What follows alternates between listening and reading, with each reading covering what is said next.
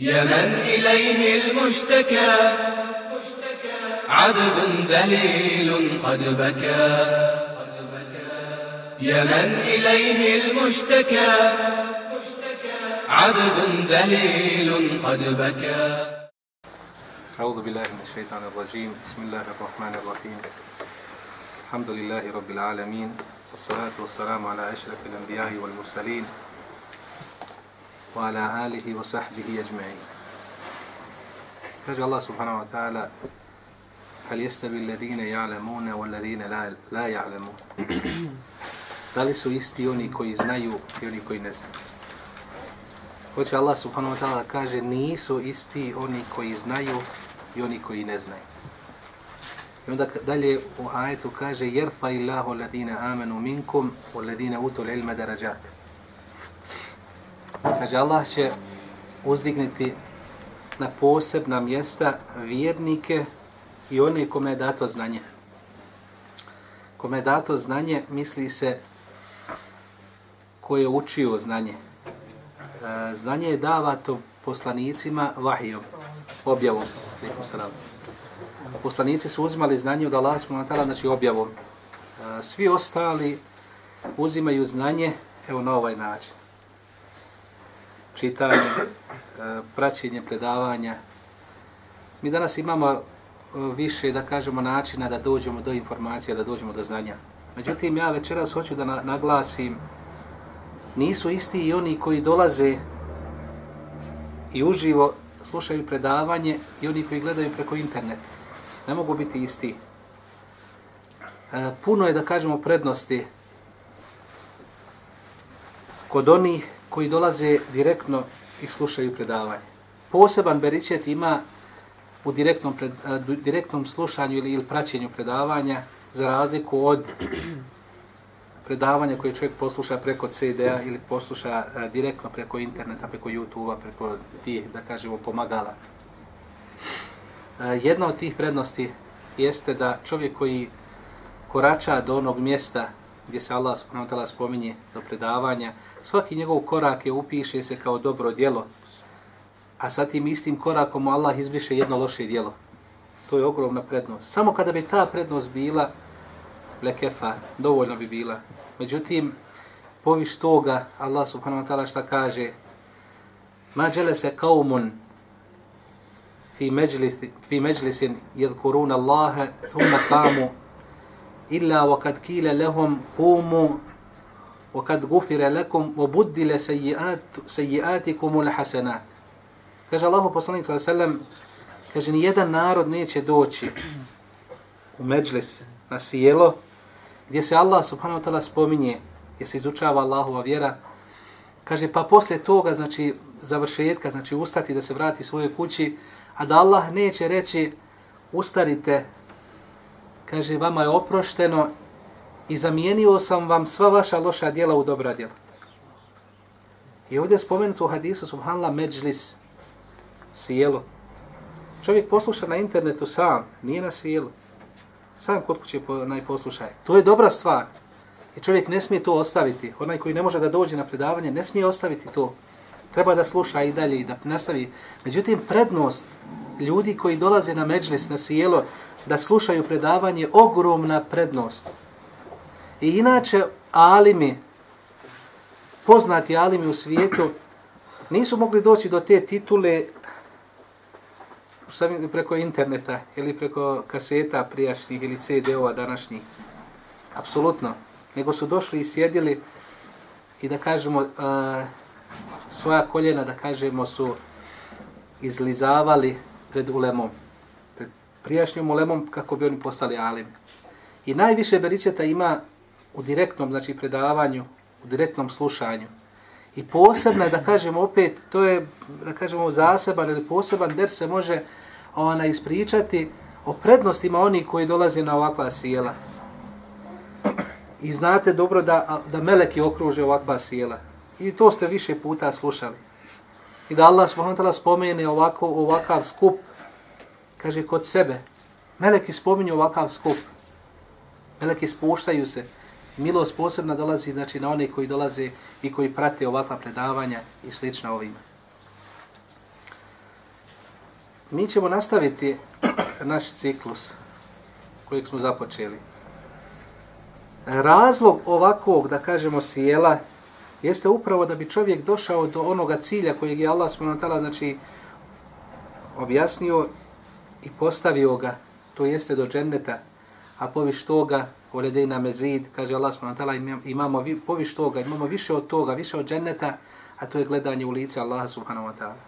I razlog upravo što hoće čovjek da stigne do toga cilja, do toga da kažemo momenta kada će gledati u lice Allaha subhanahu wa ta'ala jeste upravo izučavanje i naučavanje onoga što Allah propisao kako bi došao do toga cilja. Da bi čovjek došao do toga cilja, to jeste do dženeta i gledanja u lice Allaha subhanahu wa ta'ala, čovjek, čovjeka sprečavaju njegovi grijesi. Či jedini razlog što neće moći stići do toga cilja, da gleda u lice Allaha subhanahu wa ta'ala, jesu njegovi grijesi. Tako da, da bi čovjek stigao do tog cilja, mora da pobriše svoje grijehe. Mora da izbriše svoje grijehe. Kako bi izbrisao svoje grijehe, Allah subhanahu wa ta'ala dao je čovjeku deset prilika. Tri prilike na Dunjaluku, tri prilike u Berzahu, tri prilike na Ahiretu i jednu priliku, sad njom ćemo završiti ovaj ciklus i o njoj ćemo pričati. Tri prilike na Dunjaluku mi smo spomenuli, pa smo rekli Teuba, to je ono što briše znači naše grijehe, koji nas prečavaju da dođemo do našeg cilja, do dženneta, do gledanja lica Allaha subhanahu wa ta'ala. Rekli smo, znači, ta prilika na Dunjalku, prva prilika je Teuba, druga prilika su Masaib, odnosno te nedaće koje čovjeka, znači, zadešavaju i one brišu, znači, grijehe. I treća prilika na Dunjalku jesu dobra djela. Čovjek prošlo radi dobra djela i mi smo o tom pričali prošli puta. Večerašnja tema jeste Berzah. To je život, hajatul Berzah. Znači, spominje se u hadisu hajatul Berzah, život u Berzahu to je između čovjekovog života na dunjaluku i sudnjega dana, to jeste dženneta. Znači između njegovog života, znači i dženneta, na dunjaluku i ahireta. To je taj berzah dok ne počne sudnjenje, dok ne počne sudnji dan, dok Allah s.w.t. znači ne pripremi one koji su za džennet, Allah molim da nas učili od njih i pripremi one koji su za džehennem, da nas Allah sačuva od njih. Ovaj berzah, ovaj lema Razilaze se po pitanju berzaha, neki kažu da čovjek će u berzahu onaj, kada bude ispitan zaspat i da će se probuditi dok Allah ne počne suđenje, dok ne počne sudnji dan. Međutim, ti e, dokazi su slabi i većina uleme kažu da su validni, da kažemo da su vjerodostojni dokazi, da će čovjek u berzahu biti živ. I kaže, nema smrti poslije smrti ove dunjalučke non stop ostaje, ostaće živ. Tako da čovjek, ljudi u Berzahu se dijele na tri skupine. Imate skupine vjernika, Allah moli da budemo od njih. Imate skupinu nevjernika i munafika. Imate skupinu vjernika grešnika. Skupina vjernika koji će biti nagrađeni u, džennet, u Berzahu. I oni će, Allah subhanahu wa ta'ala, kada ga ukopaju u kaboru i kada odu oni koji su ga slijed, koji su ga pratili, doće mu melek da ga ispituje. Pa će mu reći ma dinuke, ma rabbuke i ma ma ledi ređul ledi eta ilaykum. Kaže koja je tvoja vjera? Pa će vjernik reći moja prvo će biti pitan men rabu, Ko je tvoj gospodar? Pa će on reći, moj gospodar je Allah. Koja je tvoja vjera? Moja vjera je Islam. I ko je onaj čovjek koji je došao da vas, opo, da vas opominje? Pa će reći Muhammed sallallahu alaihi wa sallam. Pa ćemo onda Allah subhanahu wa ta'ala znači pokazati, taj melek ćemo otvoriti jedan prozor u tom kaburu. A taj prozor će biti usmjeren prema džehennemu. Pa kad vidi taj džehennem i taj užas u džehennemu, i onda će mu biti rečeno, ovo je tvoje mjesto, ovo bi mjesto tvoje bilo da si radio suprotno ovome što si radio, da si radio, da si dio, da si radio djela stanovnika džehennema, pa ćemo onda, pa će biti zatvoren taj prozor i više se nikada neće otvoriti. Pa ćemo Allah potvoriti drugi prozor i pokazat će mu mjesto, mjesto u džennetu, pokazat će mu džennet. Pa kad on vidi ta, tu ljepotu dženneta I ono što bude izlazlo od tih ljepota i džennetskih mirisa, reće, ja rabbi eke mi sa'a, eke mi sa'a. O moj gospodaru, ubrzaj da počne suđenje. Pa će mu reći, ovo je tvoje mjesto u džennetu. I on će od, to, od te ljepote, te uzbuđenosti reći, gospodaru, ja rabbi eke mi sa'a. Počni sa suđenjem. Druga vrsta ili druga kategorija ljudi u, u kaburu, u berzahu, jesu nevjernici i munafici. Kada mu budu došli, bude mu došao onaj koji će ga ispitivati, pa će biti upitan, man rabbuk, oma dinuk, oman ređulun eledi eta ilaikum, kaže, ko je tvoj gospodar? Pa će reći, ha, ha, ne znam. Pa će biti pitan, koja je tvoja vjera? Isto će odgovoriti, ha, ha, ne znam. Pa će biti pitana koji je onaj čovjek koji je vam dolazio pa vas upozoravao i opominjao, pa će reći ha ha ne znam. Pa će biti udaren toliko, kaže Čekićom, Čekićom kaže gdje će propasti totalno, znači u, toj, u taj džehennem, pa će ga Allah ponovo vratiti u taj kabor i onda ćemo otvoriti jedan prozor u džennetu, džennetski prozor, znači ljepotu dženneta, pa će se obradovati, vidjet će tu ljepotu, a onda će Allah smontala zatvoriti taj prozor. I reće, kaže, ovo bi tvoje mjesto bilo da si bio od pokornih Allahu subhanahu wa ta'ala. Pa ćemo onda otvoriti se, znači, prozor u džehennem, prema džehennemu i reći, ovo je tvoje mjesto. Pa će onda on reći, ja rabbi, la tuki misa'a, la tuki misa'a. Gospodaru, nemoj da ikada počne suđenje. Gospodaru, nemoj ikada da počne suđenje. I onda će se uh, vjernici u kaboru živjeti tim životom koji nama nije poznat i znači uživaće u tom Allah će tada otvoriti, znači proširiti njegov kabor vjernika i živjet će dok ne počne suđenje, dok ne počne znači sudnji dan, dok ga Allah ne nastani u džennet. A nevjerniku će isto tako, znači, skučiti njegov kabor u hadisu je došlo, znači da će se njegova, a, njegova rebra, znači skroz isprepletati od tjeskobe kabora da nas Allah sačuva. I tako će biti, znači, paćen dok ne uđe u džehennem, gdje će biti isto tako izložen tim patnjama džehennemskim da nas Allah sačuva ostaje čovjek, vjernik koji je imao grijehe. I upravo jeste večerašnja naša tema koju smo mi započeti, koja, započeli, koja se veže za ovu temu, jeste e, ljudi koji ne budu obrisali svoje grijehe na Dunjaluku, ne, odnosno ne budu iskoristili one tri prilike na Dunjaluku, pa ne budu izbrisani njihovi grijesi, to su griješnici koji su prenijeli svoje grijehe, znači u kaboru. E, u kaburu taj čovjek, griješnik koji je prenio grijehe, ima tri prilike u kaburu da izbriše, odnosno da mu se pobrišu njegovi grijesi, kako bi došao na ahiret i Allah mu dao da kažemo da uživa u tim, da kažem, blagodatima. Prva prilika za tog vjernika koji je prenio svoje grijehe, prvu priliku dobija salatul dženaza, znači nama, dženaza namaz. Neko će reći, šta se tiče mrtvaca ili čovjeka koji je medit, koji je umrao, umro, kako, šta, je, šta je on povezan sa dženazom? E, povezan je u, u, u, tom, u toj mjeri. A čovjek koji, e, kada bude ukopan salatul dženaze ili namaz, dženaza namaz, oni koji klanjaju e, čovjeku dženazu i ona dova koja se uči za medjeta, ta dova čini ga, da kažemo, briše mu njegove grijehe, U jednom hadisu je došlo, kaže, neće čovjek uklanjati stotinu ljudi, a da mu Allah s.w.t. neće oprostiti njegove grijehe. Znači stotinu ljudi, kome, kome budu stotinu ljudi klanjalo, kaže Allah će mu oprostiti njegove grijehe, odnosno oprostit će mu dio njegovih grijeha. I to će smanjiti njegove grijehe, ako bude imao, znači, još malo mu trebalo da se očisti, možda ga očisti džanaza namaz. I zato je bitna stvar da čovjek prati da bude od onih koji će klanjati drugima dženazu namaz. Zašto? Jer će i njemu Allah s.w.t. omogućiti da mu drugi klanjaju. Ako čovjek bude izbjegavao da klanja ljudima dženazu, i on će biti izbjegavan da se njemu klanja.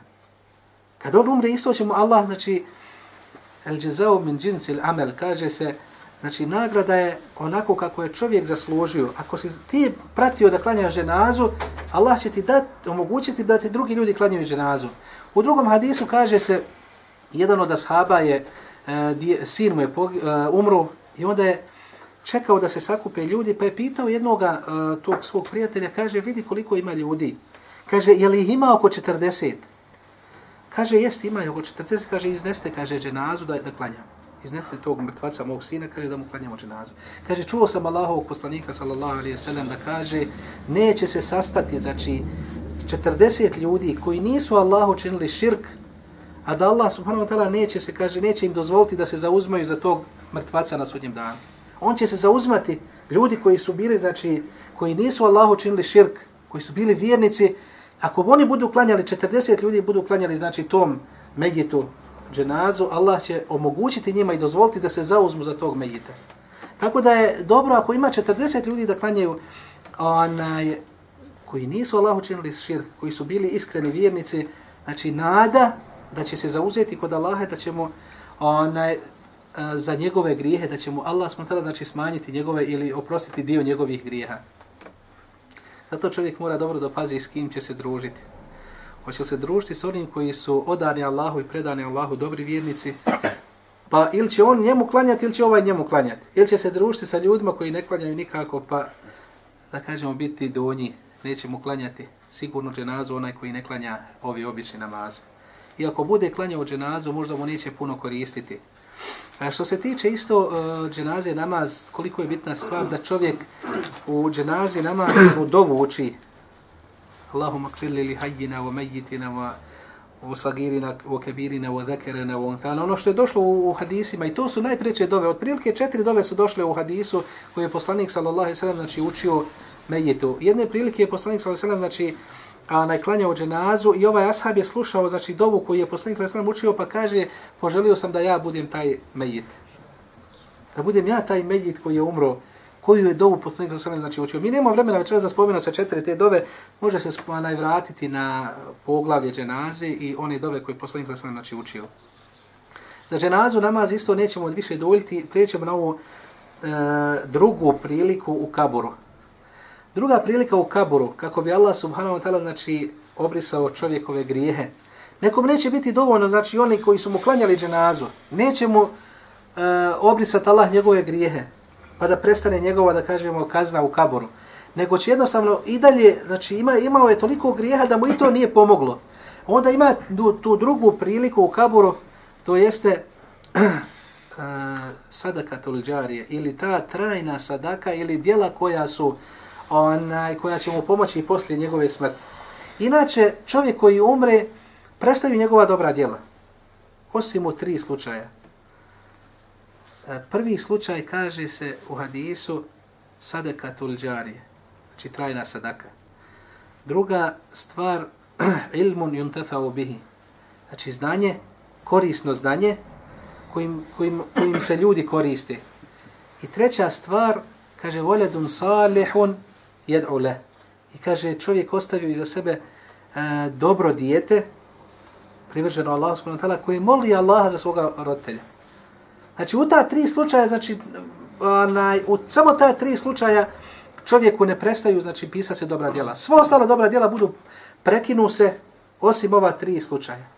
Sadaka tunđarije, to jeste trajna sadaka, tu se odnosi na čovjek je iskopao bunar i umro od svojih sestava iskopao bunar, bunar salam, i ljudi se koriste ti bunarom. Dokle god ljudi piju iz tog bunara ili ono česmu koju on napravio, dokle god koriste ljudi tu česmu, vodu, abdeste se, piju, životinje čak ako piju, njemu idu ta dobra djela. I zato ćete vidjeti u Bosni i Hercegovini, hvala Allahu, iz onog, da kažemo, sistema, znači prije ovog komunističkog sistema, je puno česmi napravljeno u Bosni i Hercegovini. I ljudi su bili, da kažemo, toliko pazili na te stvari, znali su šta je vrijednost toga. I nekim ljudima do dana današnjeg teku dobra djela zbog tih česmi koji su napravili. Fino uredili, sredili, pripremili, onaj, i ljudi se koriste tom. Dokle god se ljudi koriste, njemu idu dobra djela. I ako, ako je prenio ta loša djela, ili da kažemo, e, ti, ta loša djela prenio, možda Allah dadne, znači dok je u kaburu, da mu Allah sa ovim dobrim djelima, znači dok teku dobra djela, Allah mu obriše ili prevagnu ta dobra djela, znači i da ga Allah sačuva, znači prestane mu kazna u kaburu. Ako je prenio te grije. Znači sada katolđarije. Ili most, čovjek napravio most. Dokle god taj most ljudi koriste, ima njemu idu dobra djela. Znači to je druga, stvar, odnosno prva stvar, koju će e, Megit, odnosno čovjek koji je umro, imati znači, nagradu i posle svoje smrti. Znači, te će mu dobra djela. Drugu stvar rekli smo, kaže, ilmun yuntafa'u bihi. Znači, korisno znanje kojim se ljudi koriste. Čovjek napiše knjigu, ne svakakvu knjigu, znači knjigu, korisnu knjigu. Tu knjigu koju napisao i ljudi koriste, znači dokle god ljudi koriste tu knjigu, ima nagradu i poslije smrti. Imate Osman Taha, Osman, Osman Taha koji je napisao znači, svojom rukom Kur'an. To je Haman u čitavom svijetu danas onaj, e, koriste taj hat ili taj, da kažemo, rukopis ili krasnopis. E, evo u našim, da kažemo, džamijama je stiglo taj, e, taj ručno je napisao, znači svojom rukom je napisao i taj čovjek danas u Medini živi, jedan moj prijatelj radi u, i radi do njega, znači u, Haman u jednoj kancelariji rade u štampari Kur'ana u Medini.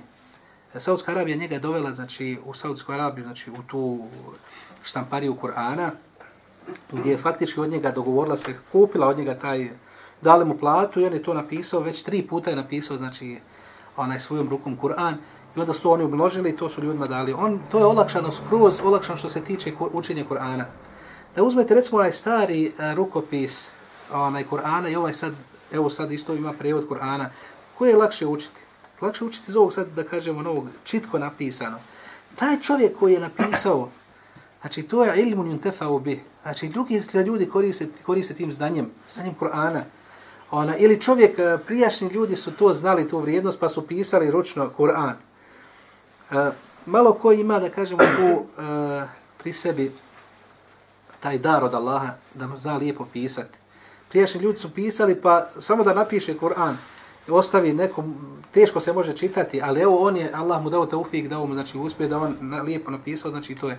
Imate knjige koje čovjek, recimo, napiše ili objavi, ili članak neki u novinama, dok god ljudi čitaju i posle njegove smrti, ako taj članak ostane, ljudi se koriste tim, on ima, znači, nagradu.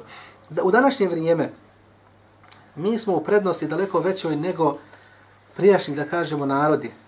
Onaj, nikad se nije moglo, nikad nije prije se desilo da u jednom momentu milioni ljudi slušaju jedno predavanje. U jednom momentu, znači milion ljudi može da sluša ili hiljadama ljudi slušaju jedno predavanje. To prijašnji ljudi nisu imali, prijašnje generacije nisu imali, mi danas to imamo.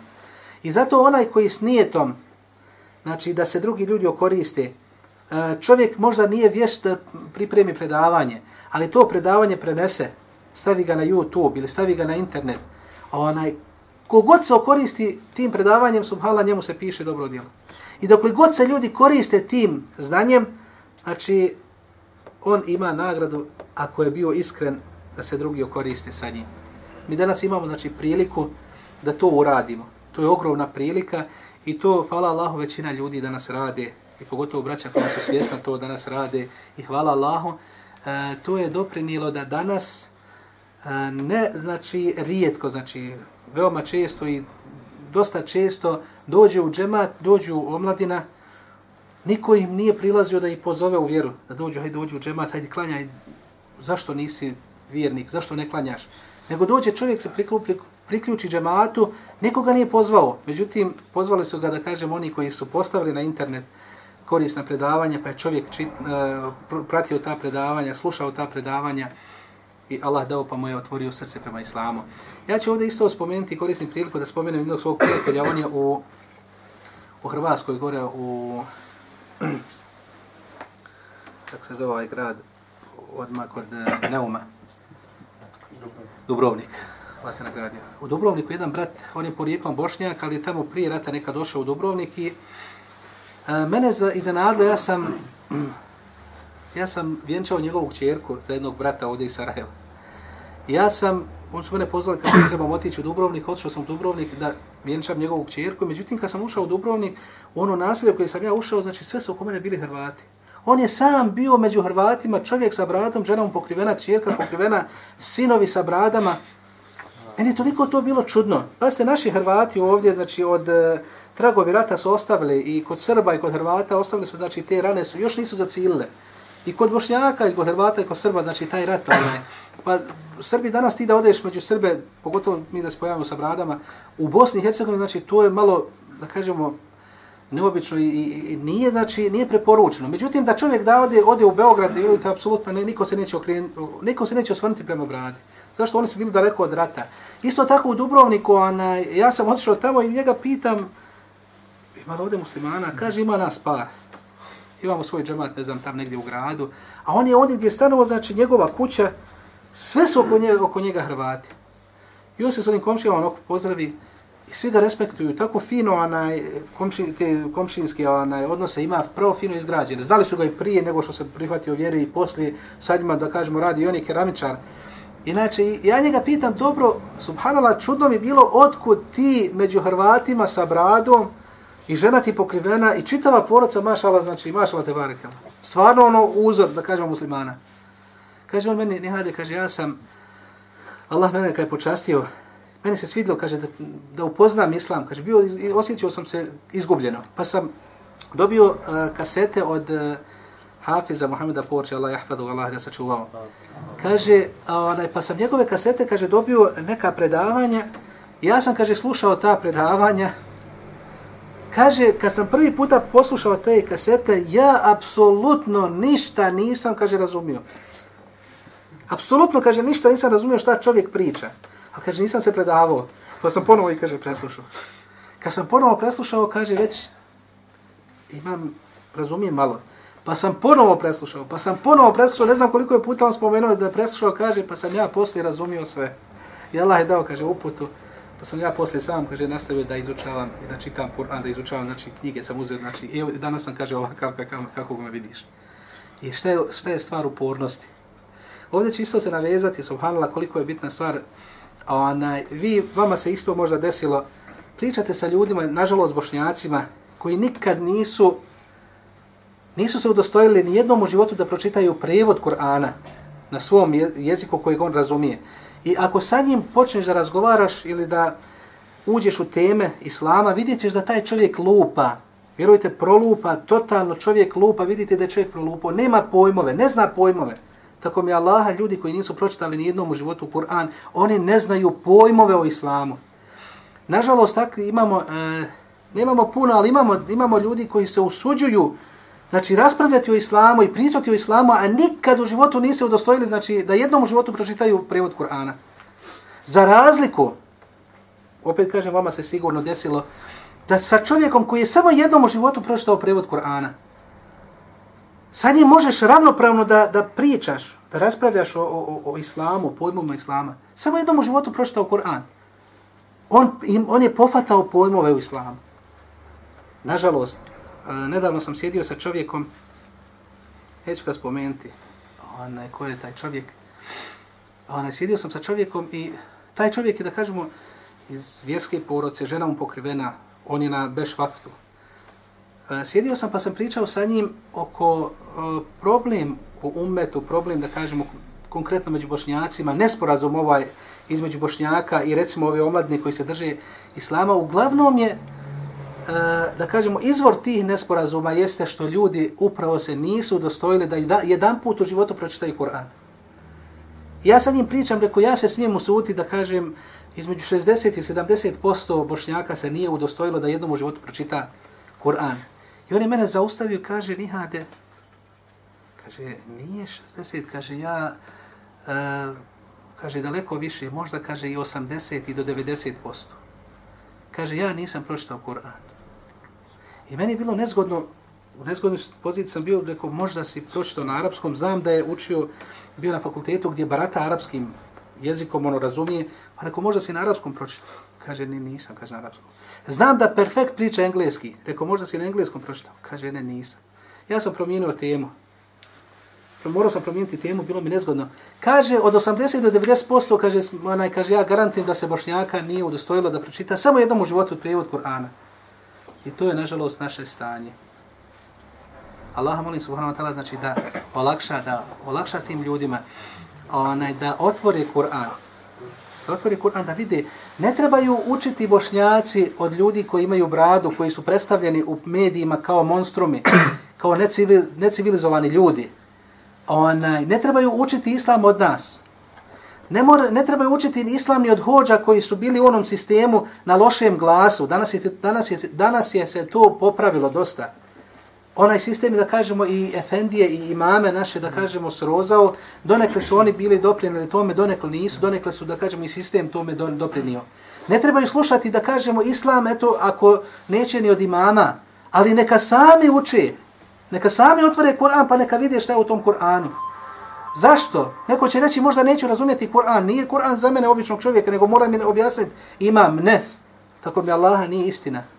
Allah kaže subhanahu wa ta'ala u Kur'anu وَلَكَدْ يَسَرْنَ الْقُرْآنَ لِذِّكَرُ فَهَلْ مِمُ الدَّكِرُ Kaže mi smo olakšali ovaj Kur'an kao uputu. I Allah pita فَهَلْ مِمُ الدَّكِرُ Ima li onoga koji će tu uputu da pročita, da je uzme, da je vidi šta je u toj uputi, šta je u tom Kur'anu. Allah pita ima li onoga koji će otvoriti taj Kur'an. Allah traži onoga da otvori Kur'an i vjerujte, subhanallah, inteligentan čovjek. Ljudi tragaju, da kažemo, za istinom. I bogati ljudi, i da kažemo, nemuslimani su tragali za istinom. Samo jedan put u životu pročitaju Kur'an, subhanallah, otvori srce. To je poznato, to je više, da kažemo, slučajeva, ne slučajeva, nego primjera u ovom svijetu, u današnjici. Zašto? Zato što je, subhanallah, od Allaha, zato što ga Allah olakšao. I zato što srcu ništa drugo ne može da kažemo biti lijek do Kur'ana. I zato Allah kaže, vole kad je srnel Kur'an ili dikr. Mi smo olakšali Kur'an kao uputu, kao opomenu. Fa hel mi ima imali onoga koji će otvoriti taj Kur'an da ga pročita. Mi se moramo vratiti na, ove, na ovu uh, treću forsu ili treću priliku kako Allah subhanahu wa ta'ala znači da nam obriše naše grijehe. Rekli smo, odnosno ovo je drugu nismo završili, imamo e, uh, sadaka tunđare, znači trajna sadaka, imamo ilmun yuntefa u bihi, u salihun jedu leh. Čovjeku, znači, kada umre, prestaju dobra djela, osim ove tri, znači ova tri slučaja, znači ta sadaka trajna, znanje koje je korisno, kojim, kojim se ljudi koriste. I treća stvar, kaže, voledun salihun jedu ole. Kaže, i dobro odgojeno dijete koje moli za svoga, za svoga onaj roditelja.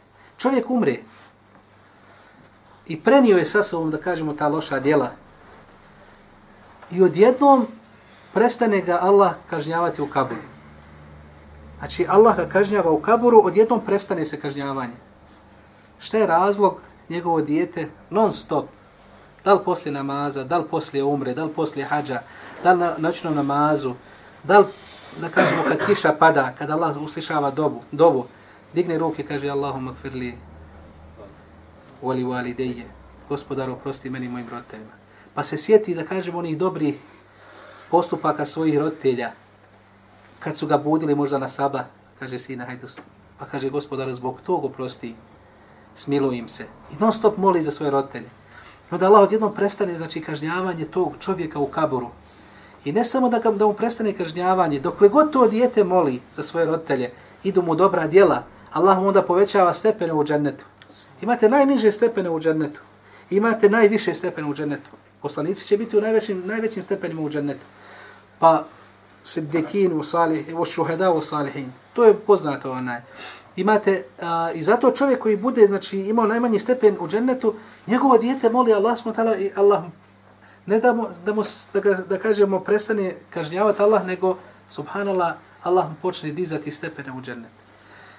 I zato čovjek koji hoće da ima takvo dijete, mi muslimani, prije nego što dođe to dijete na, na svijet, mi muslimani biramo prvo majku toga djeteta, pa onda dijete. Znači musliman bira majku toga djeteta. Zato u hadisu je došlo ženu udaju četiri stvari. Znači njena ljepota, njen ugled, njeno bogatstvo i njena vjera. Znači ženu udaju njena ljepota, njeno bogatstvo, njen ugled i njena vjera. Kaže poslanik sallallahu alejhi ve sellem uzmi onu sa vjerom. Neko prevodi, kaže, dobit ćeš sve ostalo. Ispravno je prevedeno. Sve ćeš ono ostalo dobiti. Izaberi onu sa vjerom, sve ćeš ono ostalo dobiti. Dobit ćeš i njenu ljepotu, i njen ugled, i dobit ćeš njeno bogatstvo. Allah daje bogatstvo, ne daju ljudi ljudi budu bogati, pa Allah im uzme, znači, to i ostanu siromašni. Bogatstvo je, znači, prolazno. Nije, znači, trajnog vijeka. Ljepota isto tako nije trajnog vijeka. Uzmeš, odabereš najljepšu ženu, Allah pošalje bolest, pa je u nakazi i ti više sa njom ne možeš živjeti. Međutim, vjernicu kad odabereš tamani da se desi, ne znam ti šta, ljepota je iznutra. Kažemo ljepota duše, jer Allah ne gleda u vaša tijela, nego gleda u vaša srca. I ljepota ogleda se u srcu. Znači, u srcu se doista ljepota ogleda. Ja ću samo još jedan ovdje spomenuti primjer isto svog prijatelja iz uh, Hercegovine. Nedavno sam sjedio sa njim, kaže, Nihade, kaže, imao, uh, kad sam se oženio, nisam se oženio, nisam bio u vjeri. Kaže, pa sam poslije, kad sam oženio se nakon izvez, nekoliko godina, kaže, prihvatio sam se vjere i ja, kaže, moja supruga. Kad sam oženio, kaže, svoju suprugu, nije bila nešto, kaže, lijepa. Kaže, bili smo zajedno u školi, pa sam se oženio sa njom, ono, više cimeri smo bili, ono, duše bile su, onaj, ono, srodne. Oženio sam se, nisam nešto zbog ljepote, ali eto, vidla mi se onako i, kaže, pa sam se prihvatio vjere, Allah dao, kaže, uputu, Pa kaže, kad sam se prihvatio vjere, Allah kaže, وَكُلِ الْمُؤْمِنِينَ يَغُدُّ مِنَ بْسَارِهِمْ I reci vjernicima, neka obore poglede svoje, وَيَحْفَذُوا فُرُوđَهُمْ I neka paze na, na stidna mjesta svoja. Kaže, pa sam se odazvo ajetu, Allah smo da doborim poglede. Kaže, nisam više gledao druge žene. Kaže, za kratko vrijeme, kaže, moja žena bi je postala najljepša žena, kaže, na, na svijetu. Kaže, dotad mi nije bila lijepa. Kaže, kad sam oborio pogled, nisam druge žene gledao, kaže, tako mi Allah, kaže, moja žena je meni postala najljepša žena. E, ovo nek znaju sestre. Koga će birati? Hoće li birati one ljude koji izvjerlaju, koji gledaju sve ostale žene, pa dođu u kući nezadovoljni sa svojom ženom. Uvijek ima ljepša. Šetan prikaže uvijek ljepšu od one tvoje. Međutim, oni koji paze svoje poglede, paze svoje oči, imaće najljepšu ženu, imaće princezu u kući. Tako se dešava kod vjernika. To je druga znači prilika koju Allah smo znači dao vjernicima u kaburu. Znači prvu priliku je dao dženazu, namaz, drugu priliku je dao znači ta djela znači koja ne prestaju se pisati čovjeku ona i do i posle njegove smrti i ako mu to ne bude znači dovoljno Allah subhanahu wa ta'ala znači daje treću priliku čovjeku u kaburu to je kaburski azab ili patnja, kaburska patnja. Kažu da je to najgori vid kažnjavanja, kaburski adab ili adabul kabr, kaburska patnja, posebna patnja u kaburu. Kažu ulema da dvije trećine to kaburskog azaba ili kaburske patnje sačinjavaju gibet i nemimet. Jedna trećina otpada na druge grijehe. Znači najviše što, što će čovjek biti kažnjavan u kaburu jeste zbog gibeta i zbog nemimeta. Pitanje ovdje, šta je gibet? Pitali su ashabi poslanika, na ashabi poslanika, sada sam pitali ga, šta je mel gibet? Kaže, šta je to gibet? Pa kaže poslanik, sallallahu alaihi sallam, kaže, zikruke ehake bima jekrah. Kaže, da spomeneš svoga brata u odsutnosti, a on to ne voli da ti spominješ o njemu. Pa jedan od ashaba pitao poslaniće, kaže, ako to što ja spominjem, kaže, tog svog prijatelja, kaže, pri njemu to ima, što ja pričam o njemu, a on ne voli, znači, a pri njemu to ima, kaže, ako pri njemu ima, ako si, znači, pričao istinu, znači, njegove negativne stvari si iznosio pred drugim ljudima, a kaže, te negativne stvari su pri njemu, kaže, fa kad ik tebte, kaže, onda si ga, kaže, ogovorio. A ako kaže, slažeš na njega, fa kad behette, Kaže ovdje se ga potvorio. Potvora je gora nego ubijstvo. A gibet je, kaže Allah subhanahu wa ta'ala, a yuhibbu ahadakum an yakula lahma akhihi mayyita. Kaže, zar bi iko od vas volio da jede meso tvog umrlog brata? Znači čovjek, tvoj brat rođeni, mrtav i da ti jedeš njegovo meso. Tako Allah subhanahu wa ta'ala uporedio tu opaku bolest gibet, a kaže, naj, trećina kaburskog zaba jeste zbog gibeta da pričaš o muslimanima, njihove, da kažemo, sramote iznosiš pred drugim ljudima, a njega nema. I zato ovdje, što se tiče gibeta, imate trojicu ljudi ili učesnika. Imate onoga koji gibeti i to je najgora pozicija. To je onaj koji priča o svom bratu u odsutnosti. Njegove, da kažemo, mahane iznosi, a nema čovjeka bez mahana. Allah mi nema čovjeka bez mahana, osim, kaže, ima Malik, odnosno e, Enes ibn Malik, ashab, ashab kaže, illa sahiba hadal kabr, kaže, osim, kaže, stanovnika ovog kabura, pa pokazao na poslanika, sallallahu alejhi ve sellem. nema grijeha. Znači, nema bezgrešnog čovjeka osim poslanika, sallallahu alejhi ve sellem. Kulu bani Adam khata wa khayru khata'ina tawwabun. Kaže, svi sinovi Ademi su, Ademovi su grešnici. Najbolji su oni koji, koji, koji se kaju. Znači, nema čovjeka bez grijeha. I sad ti, onaj moj grih odeš i pričaš tamo drugim ljudima. Nihad uradio tako i tako, ili Nihad radi to i to. Znači, sramotiš, moju sramotu iznošiš drugim ljudima, da onda si me ogibetio. S tim što smo ogibetio, onaj koji gibeti, on je u najtežoj poziciji. Onaj ko, koga gibete, on je u najboljoj poziciji. Kaže Hasan el Basri, kad je čuo da ga je jedan čovjek ogibetio, zapakao mu hediju i poslao mu. Kaže, čuo sam da si mi, kaže, dao hediju, da si mi, kaže, dao poklon, pa kaže, hoću da se odužim. Pa mi poslao poklon, čuo da on njega ogibetio, pa on njemu, znači, od svojih dobrih dijela, čovjek koji gibeti, znači, svoja dobra dijela poklanja tom koga on gibeti. Koga gibeti? Svoja dobra dijela, znači, poklanja njemu. I zato kaže Abdullah ibn Mubarek, kaže, ako je iko, znači, ako je iko zaslužan da ga gibetim, kaže, to mili moji, kaže, roditelj. Da kaže, svoja dobra djela, kaže, dam svojim roditeljima. Da gibetim svoje roditelje kako bi svoja dobra djela poklonio njima. Ljudi koji gibete, oni poklanjaju svoja dobra djela, znači drugim ljudima koga gibete. I imate treću vrstu. To jeste oni koji slušaju gibet. I svaka vrsta, znači, ima spomenuta u hadisu. Ovaj koji je, koga gibete, on je u najboljoj poziciji, Allahu poslanik sa kaže da on će dobiti ta dobra djela. Doći na sudnjem danu, pa će vidjeti, znači, ogromna dobra djela, pa reće, gospodar, ovo nisu moja. Pa će reći mu, znači, to su oni poklonili, poklonili ti oni koji su te gibetili. Pa će on to gibati, to će mu dobro doći na njegov konto.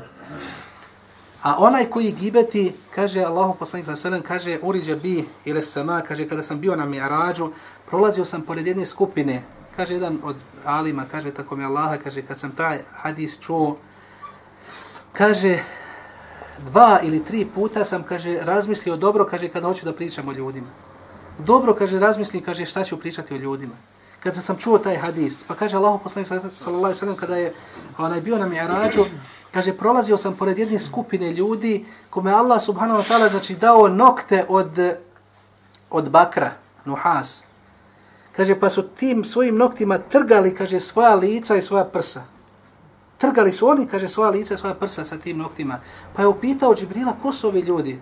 Pa, kaže, pa je rekao Džibril, kaže, to su oni ljudi, kaže, koji su jeli, kaže, meso drugih ljudi, kaže, i njihovu času, kaže, obeščašćivali koji su pričali, znači gibetili druge ljude. Pa kaže Allah im je dao znači tu kaznu još prije, znači prije ahireta. Prije nego što dođu u džehennem, znači pa je Allah bude tamo kažnjavao. Što se tiče onoga koji sluša gibet, ako bude nastavio da sluša i dozvoli onom čovjeku koji gibeti, on je isti koji onaj koji gibeti. Međutim, ova druga skupina ljudi koji kažu kada čuju neko počne da gibeti brata, on kaže, znaš šta, brati u sutnosti, nemoj da pričaš o njemu. Ja neću da te slušam.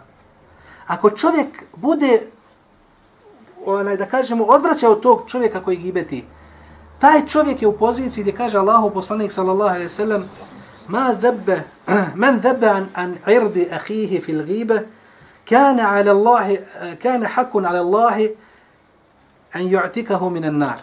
Evo kema kale sallallahu alaihi sallam kaže, niko od vas neće, kaže, spriječiti onoga ko gibeti, a kaže, a da mu Allah subhanahu wa ta'ala, znači neće reći, kaže, pravo tvoje kod mene, da te ja sačuvam od vatre. Znači, pravo kod Allaha, pravo čovjeka kod Allaha je da ga sačuva od vatre, to je da mu oprosti njegove grijehe, ko zaustavi onoga koji gibeti. Međutim, onaj koji sluša onoga koji gibeti, Boga mi je u istoj poziciji. Ovdje postavlja se pitanje, dobro, ja sam, ako sam gibetio, šta, kako ću se ispraviti? Šta je sad da se ispravimo? Ću mora doći čovjeku da kažem, gibetio sam ga. Prije nego što ovo spomenemo, spomenut ćemo nemimet koji je isto tako opasniji od gibeta. A on isto predstavlja drugu trećinu kaburskog zaba, nemimet, to jeste da čovjek prenosi riječi, to, to jeste čovjek je ogibetio čovjeka. To je ona strijela koja je ispaljena i ima svoj domen. To jeste čovjek je pričao o drugom čovjeku I taj čovjek nije čuo da je on o njemu pričao. Znači, ta je strijela ispaljena i pala je.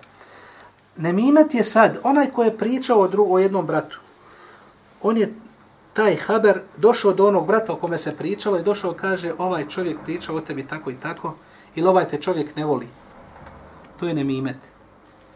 Bukvalno, ona strijela koja je ispaljena, ovaj nemam koji prenosi nemimet, uzeo je tu strijelu koja je pala na zemlju, on je tu uzeo strijelu i došao i zaboje u srce onome koga su gibetili. Zato Jahja ibn Kethir kaže nemam, čovjek koji prenosi nemimet, kaže za jedan sahat uradi, kaže zla koliko ne može sahir za mjesec dana. Nemam, uradi zla. Kaže za jedan sahat, kaže što ne može sahir za čitav mjesec da uradi. I zato, subhanallah, čovjek koji prenosi tuđe riječi, to je, recimo, dođeš čovjek kažeš onaj tebe, onaj te brat ne voli. On je čuo ovaj brat ga ne voli, razviš priču o njemu loše, i on kaže ovaj te brat po, tom imenu, po imenu taj i taj ne volite. To je nemimet. I zato nemam, kaže, kaže ulema, da kaže njegov šehadet se kaže ne prima. Apsolutno kaže, oni kaže onaj fasik, kaže čiji se onaj šehadet ne prima. I kaže ne smije čovjek da uzme to od tog nemama, ne smije da uzme onaj taj haber. I zato onaj čovjek koji prenosi riječi, onaj čovjek kome se prenosi mora da čuva svoje srce od tri stvari. Prvu stvar jeste da tog ne mama, znači zaustavi da njegovo srce bude mirno što se tiče tih stvari. Znači jednostavno da kaže nije istina, zato što on, njegovo se, njegovo se svjedočenje ne smije uzeti, nije validno. Druga stvar, da pazi da ne prenosi te stvari i da ne zamrzi tog čovjeka kome on, znači, onaj, koga on spomenuo, da i dalje, znači, ostane, znači, njegov odnos prema tom čovjeku, tamani da ga ogibetio. Taman da ga ogibetio, znači, to je, čovjek može se desiti da čovjek ogibeti čovjeka, to je slabost čovjeka. A da njegov srce, znači, nema ništa protiv tog čovjeka. Zašto? Zato što taj može, na mam koji ti prenosi riječi, znači, njegov se, njegov se šehadet ne, pre, ne uzima. Znači, nije validno. A, I ovdje isto bitna stvar, kaže, kaže ulema, kaže, men nemme leke nemme alejke.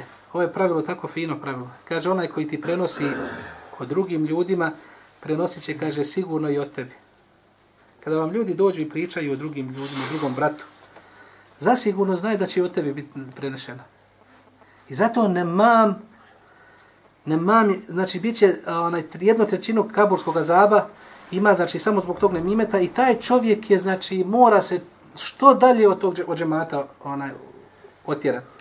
I taj čovjek, zato jedan alim, kad mu je došao jedan čovjek, kaže, fulan ibn fulan, čovjek taj taj, kaže, priča o tebi, kaže, negativne stvari. Kaže, ti hoćeš, kaže, da, šeitan tvoj, kaže, hoće da, kaže, ja zamrzim tog čovjeka, kaže, nećeš to, kaže, kod mene sigurno, kaže, postići. Kaže, Allahumma kfirli voli ehi.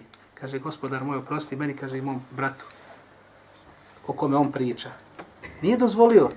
Znači da on sluša, znači onoga koje njemu prenio, znači onda doje, dolazi čovjek u poziciju.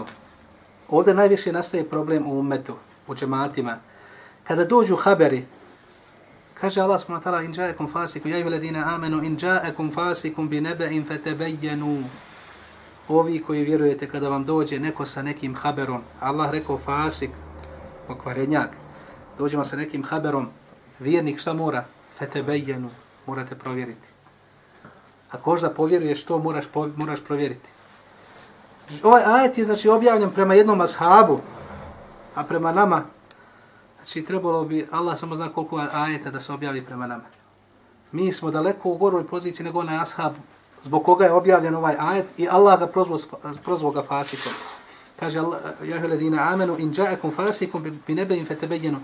Nemamo vremena da spomenemo znači, razlog i, i čitav događaj zašto je ashab koji je bio poslat da uzme da uzme onaj e, zekat od jedne grupe, pa je nije otišao, pa se vratio i rekao, znači šta je rekao, pa onda Allah smo tada znači objavio, pa su ovi došli, kad, samo što nije došlo, znači, onaj sukob između muslimana, zbog toga, pa onda Allah znači objavljuje, znači ovi koji vjerujete kada vam dođe neko sa haberom, fetebejenu, morate provjeriti. To je osnova kod muslimana neko ti priča o nekome, znači ako hoćeš da ti to prihvatiš i da to prenosiš, obaveza moraš to provjeriti. Znači, obaveza, znači moraš provjeriti. Ako ne provjeriš, onda će nastati nered i fesad na zemlji. I onda se veze kidaju. E, nedavno, vaš šeh Semir, e, na jednom sam sjelu bili, kaže, ja u Medini, kaže, čovjek mi došao, subhanallah, priča mi o jednom drugom bratu. Student između sebe, to je bilo dok je bio u Medini, onaj, priča mi jedan čovjek o drugom bratu, a ja, kaže, tog brata, kaže, toliko ga poštujem i volim ga, drag mi čovjek. Dolazim jedan čovjek, kaže, počnem pričati o njemu negativno. Kaže, u mom srcu odmah se, znači, teško bilo, kaže, nisam povjerovao iz prve. Ono, došao, dolazi drugi, treći, četvrti, svi Haman isto pričaju. I kaže, ja sam Haman nasio na tu priču. Kaže, da bi ja poslije, kaže, provjerio kod tog čovjeka, o čemu se radilo, kaže, hvala Allahu, kaže, nije bilo onako kako smo ljudi prenijeli. Kaže, teret je sav sa mene, kaže, spao. Kaže, kad sam provjerio, kad sam vidio da to nije to, kaže, toliko mi je bilo drago, kaže, kao da teret sav sa mene spao. I koliko je bitna stvar provjeravati? Ljudi moraju provjeravati stvari. Ako ne budu provjeravali, onda će ući u kategoriju nemama, koji je, da kažemo, koji može toliko zla da uradi koliko ne može onaj sahir da uradi za čitav mjesec. E ovdje se sad postavlja pitanje ono, kako ako sam ja činio gibet, kako da se ispravim? Šta ću da uradim? To ćemo inšala nastaviti idući puta i prijećemo na ovu tri naredne prilike da bi gledali lice gospodara Subhanahu wa ta'ala. Halal kako sam oduljio. أحب الله والإسلام والقرآن والجنة أحب جحافل الإيمان ترفع راية السنة أحب الله والإسلام والقرآن والجنة أحب جحافل الإيمان ترفع راية السنة.